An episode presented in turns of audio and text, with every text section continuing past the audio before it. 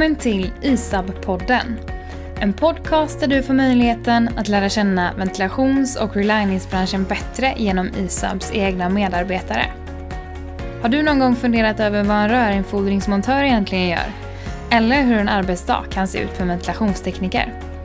I denna podcast så kommer ni få ta del av personliga berättelser, spännande karriärsresor och roliga anekdoter med förhoppningen att ge en inblick i hur ventilations och reliningsyrket kan se ut.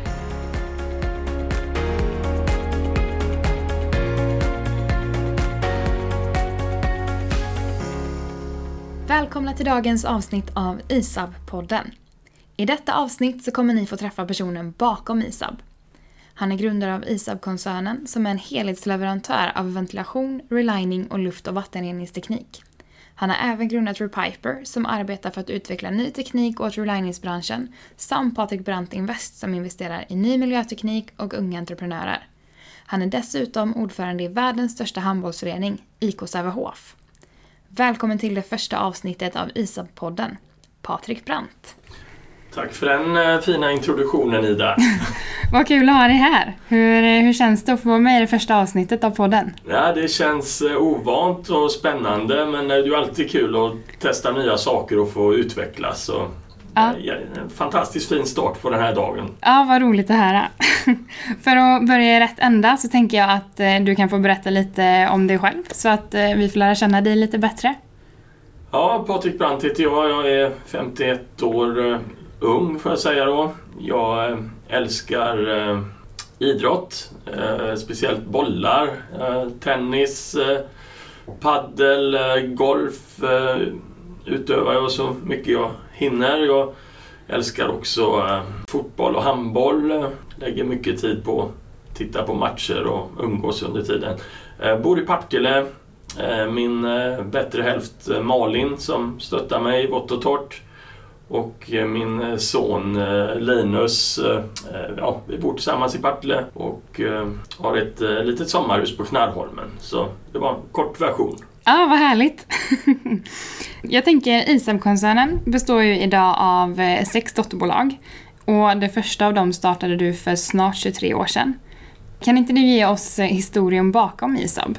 Det är en ganska osannolik historia faktiskt. Eh, min plan var att jag skulle arbeta med tennis, jobba som tennistränare och ha ett tennisteam som jag ville vara promotor för och resa runt i världen och naturligtvis göra business då. Men, Ehm, sen eh, jag hade studerat i USA i fyra år och jag hade eh, skadat mig. Jag hade dragit av en magmuskel och eh, jag ville göra något annat. Så jag åker hem till Sverige, behövde ha ett extrajobb slår upp gula sidorna och eh, får kontakt med ett företag som ehm, hade en ny teknik gällande ventilationsrengöring.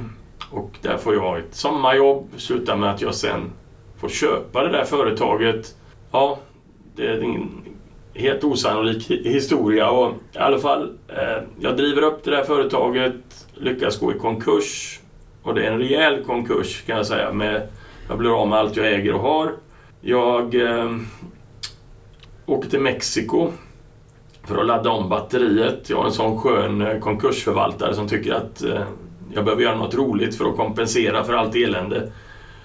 Och där i Mexiko träffar jag några amerikanska entreprenörer och jag berättar min företagsresa efter att de har berättat hur de har byggt sina miljardbolag. Och, och de bara tittar på mig och förstår ingenting. Och de bara säger, vad, vad är problemet Patrik? Det är ju bara att du åker hem, gör samma sak och jobbar med kunder som betalar. Och, ja, då åkte jag hem och startade det som nu är ISAB Group eh, med 50 000 kronor lånade av mamma och pappa. Och det var väldigt eh, tufft i början för jag hade miljonskulder privat. Och det var många tuffa år med arbete dygnet runt och eh, det var ett stort steg efter några år när jag hade råd med ketchup till makaronerna. Ja, sen själva ISAB och resan. Ehm, eh, vi började ju som sagt med ISAB ventilation. Och där var vi ganska tidigt ute med det här konceptet och utföra våra tjänster med kvarboende. Och vi var tidigt ute också på täta ventilationskanaler och jag fick frågan av HSB och Riksbyggen om inte vi kunde göra samma sak på eh, avloppssidan. Och det var fröet till eh, ISAB rörinfodring. Det är en lång, lång resa bakom ISAB rörinfodring också. Eh, då behöver vi ha ett par timmar på en podd för att gå igenom det. Ja. Men, ja, det rullade även på det här. Vi, vi jobbade med den tekniken som fanns. Vi var inte riktigt nöjda. Och det här var också grunden till Repiper som ju inte ligger i ISAB-koncernen men det var så vi eh, kom fram till de här patenten som vi har. Eh, nu på senare tid, utöver ventilation och rörinfodring, så har vi ju adderat på eh, ISAP ISAB Solutions där vi ser ett behov av att förebygga och förhindra smittspridning i byggnader och installationer. Vi tittade på det här för fem år sedan ungefär och ja, nu har vi SARS eh, har vi upplevt och det är covid-19 nu. Såklart, idén är väldigt bra, vi är inte Mm. framme där än. Nej. Och det absolut senaste tillskottet på ISAB-sidan det är ju ISAB Marin när vi paketerar våra tjänster för den marina sektorn. Mm. Ja, det var, det var en väldigt kort... Eh, det, det är alltid lika intressant att höra den här eh, historien. Eh, det är mycket som har hänt på, på 23 år. Gått ifrån att ha i princip ingenting till att ha en koncern som omsätter nästan 200 miljoner. Så det är ju helt fantastiskt.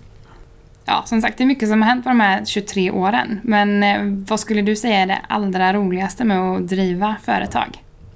Jag tycker det allra roligaste det är att hitta bra lösning för kunderna.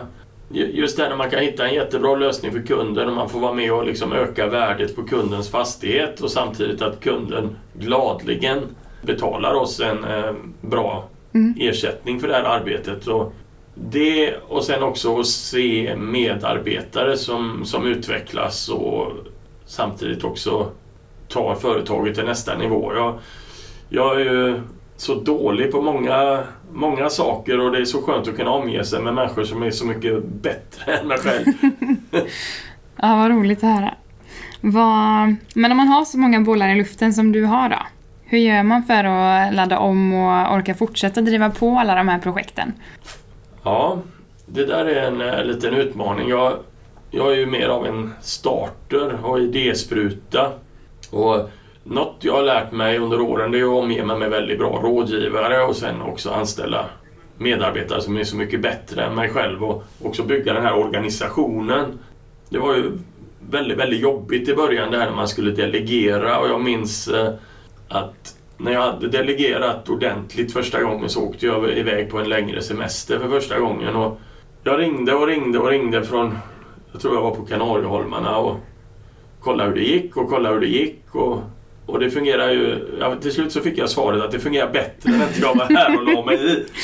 Och, och jag tyckte ju det var lite jobbigt att höra men samtidigt är det ju ändå kvittot på att då har man ju faktiskt börjat lyckas och bygga någonting som fungerar av sig själv då.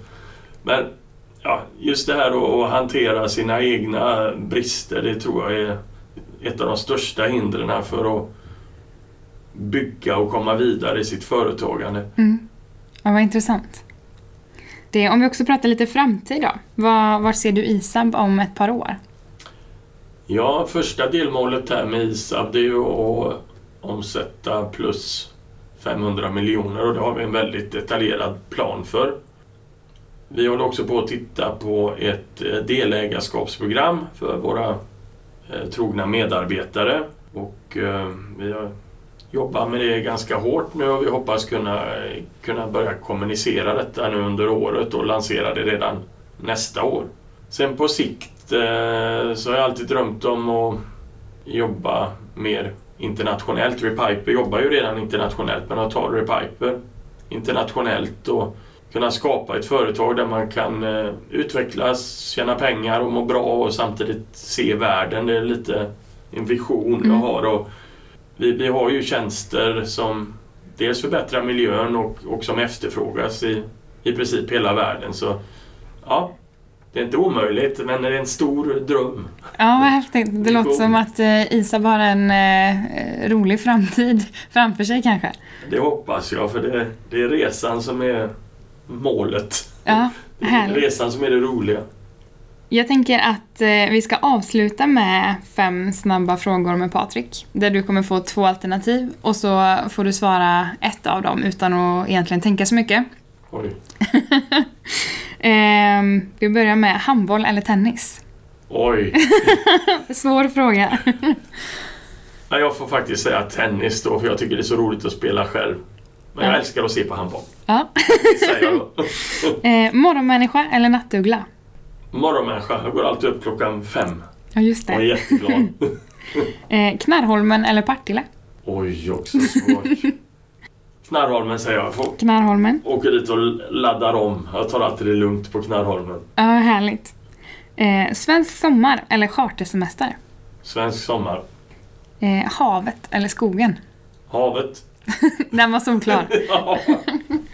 Vad, vad roligt att få ha dig med i det första avsnittet. Det var jätteintressant att få höra dels om bakgrunden till ISAB men också lite framtid och vad det är som får dig att fortsätta driva eh, alla de här bolagen som du gör. Så stort tack! Tack ska du ha Ida. Alltid lika roligt att få jobba med dig. Detsamma Patrik.